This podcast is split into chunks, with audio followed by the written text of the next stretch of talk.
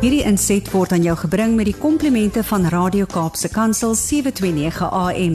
Besoek ons gerus by www.cape pulpit.co.za.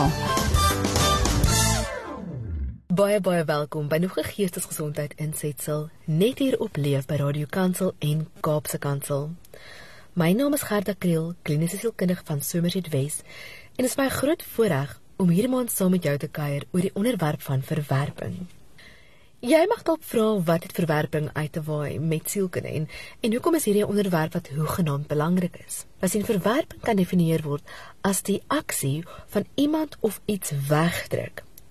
Maar dit is dikwels die ervaring van verwerping wat vir baie mense pyn veroorsaak.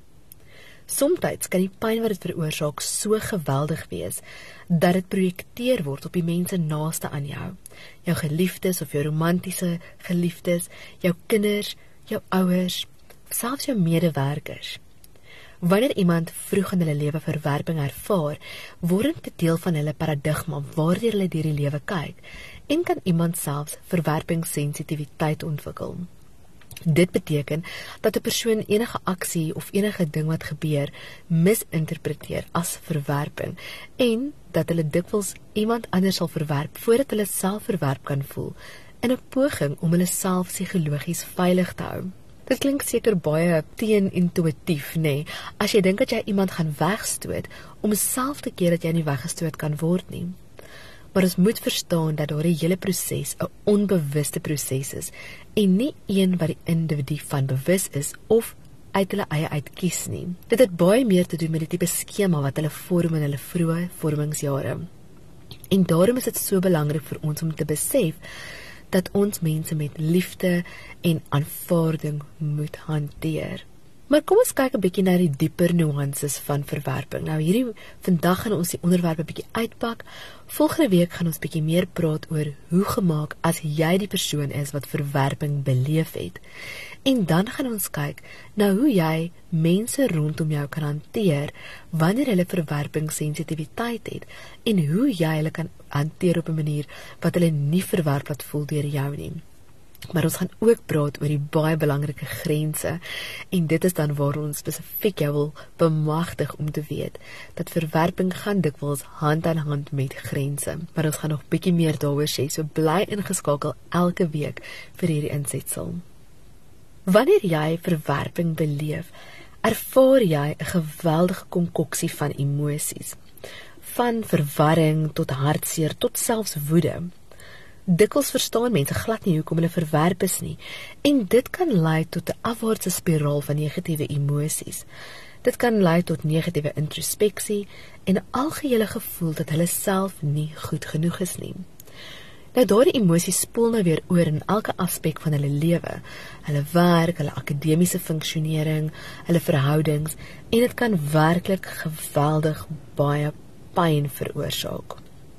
Maar ons kan ook sê dat verwerping vir ons 'n nuwe manier kan gee om 'n bietjie na die lewe te kyk. Jy sien wanneer jy weer iets verwerp word, kom ons sê jy word afgedank van jou werk of 'n romantiese maat met wie jy langtermynplanne gehad het, verwerp jou.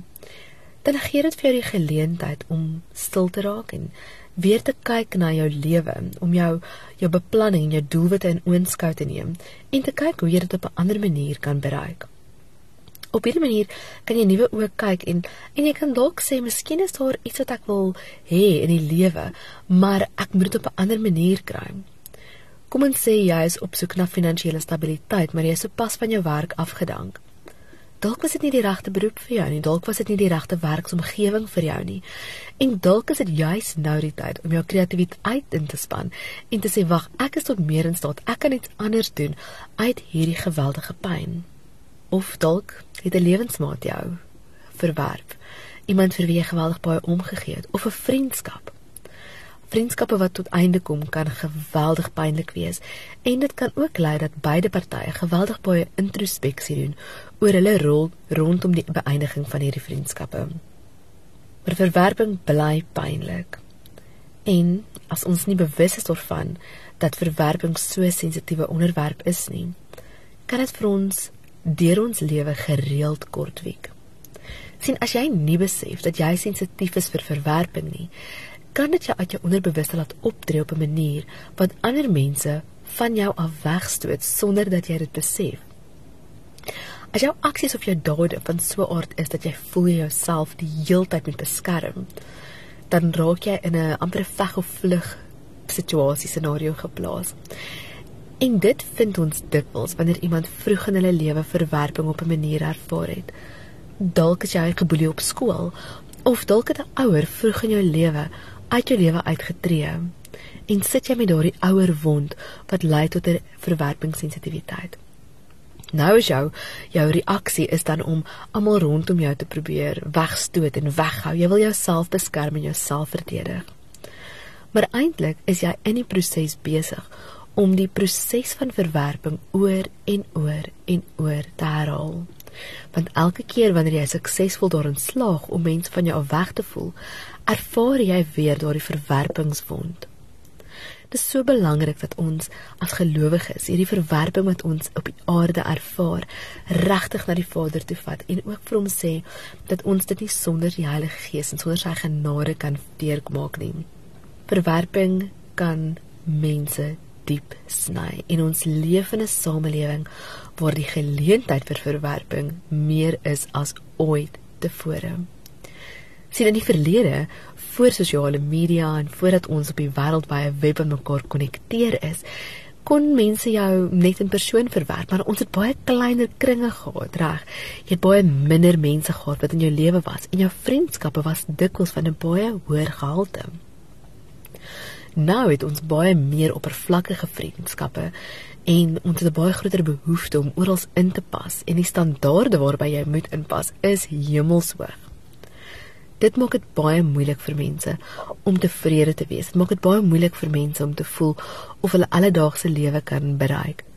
As jy aanhoudend jouself vergelyk en besef of voel dat jy nie opmatch teen almal anders op sosiale media nie, dan is jy onbewuslik ook besig om jouself herhaaldelik in 'n verwerpingssiklus te sit.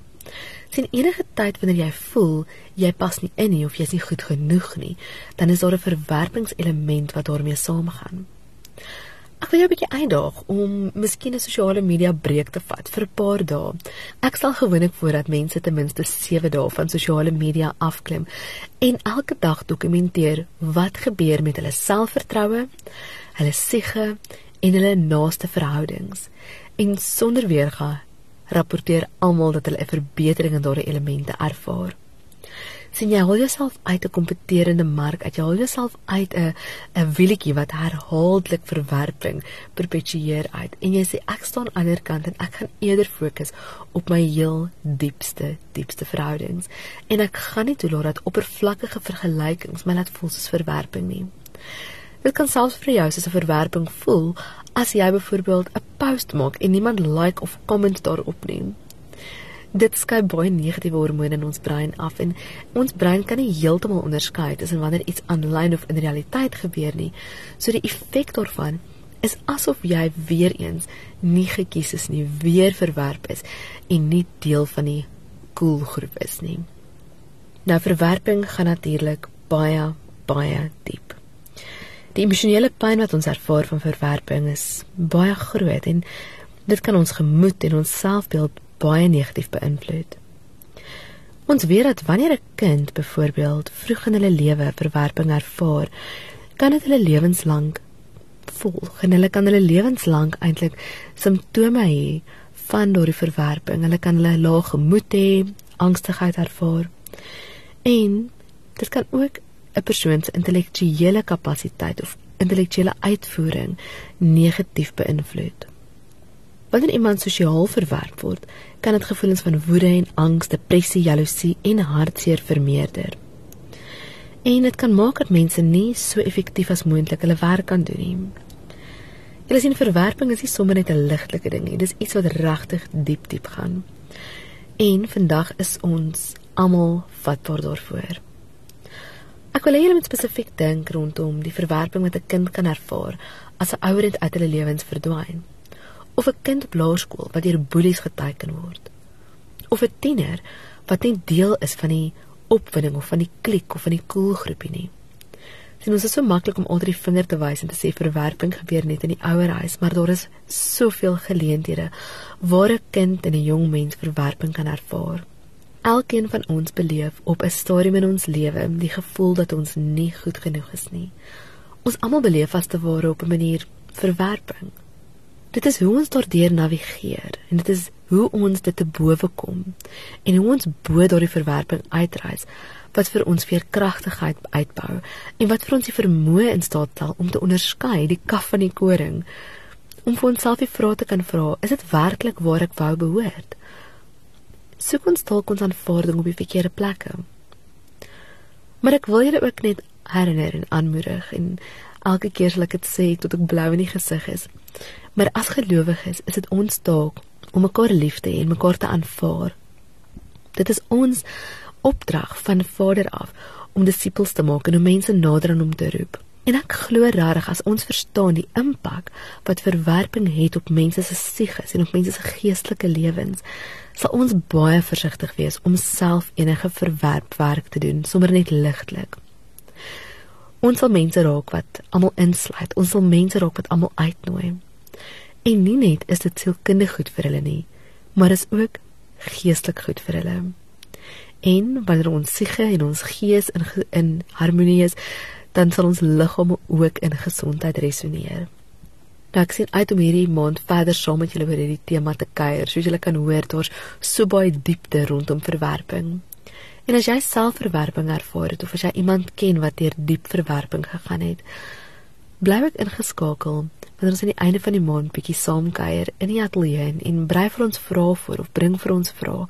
Dit sal vir ons so lekker wees om saam te kan kuier. Mag julle 'n geseënde week verder hê. Ek is Gerda Kriel en ek kuier volgende week weer saam met julle. Hierdie inset was aan jou gebring met die komplimente van Radio Kaapse Kansel 729 AM. Besoek ons gerus by www.cape pulpit.co.za.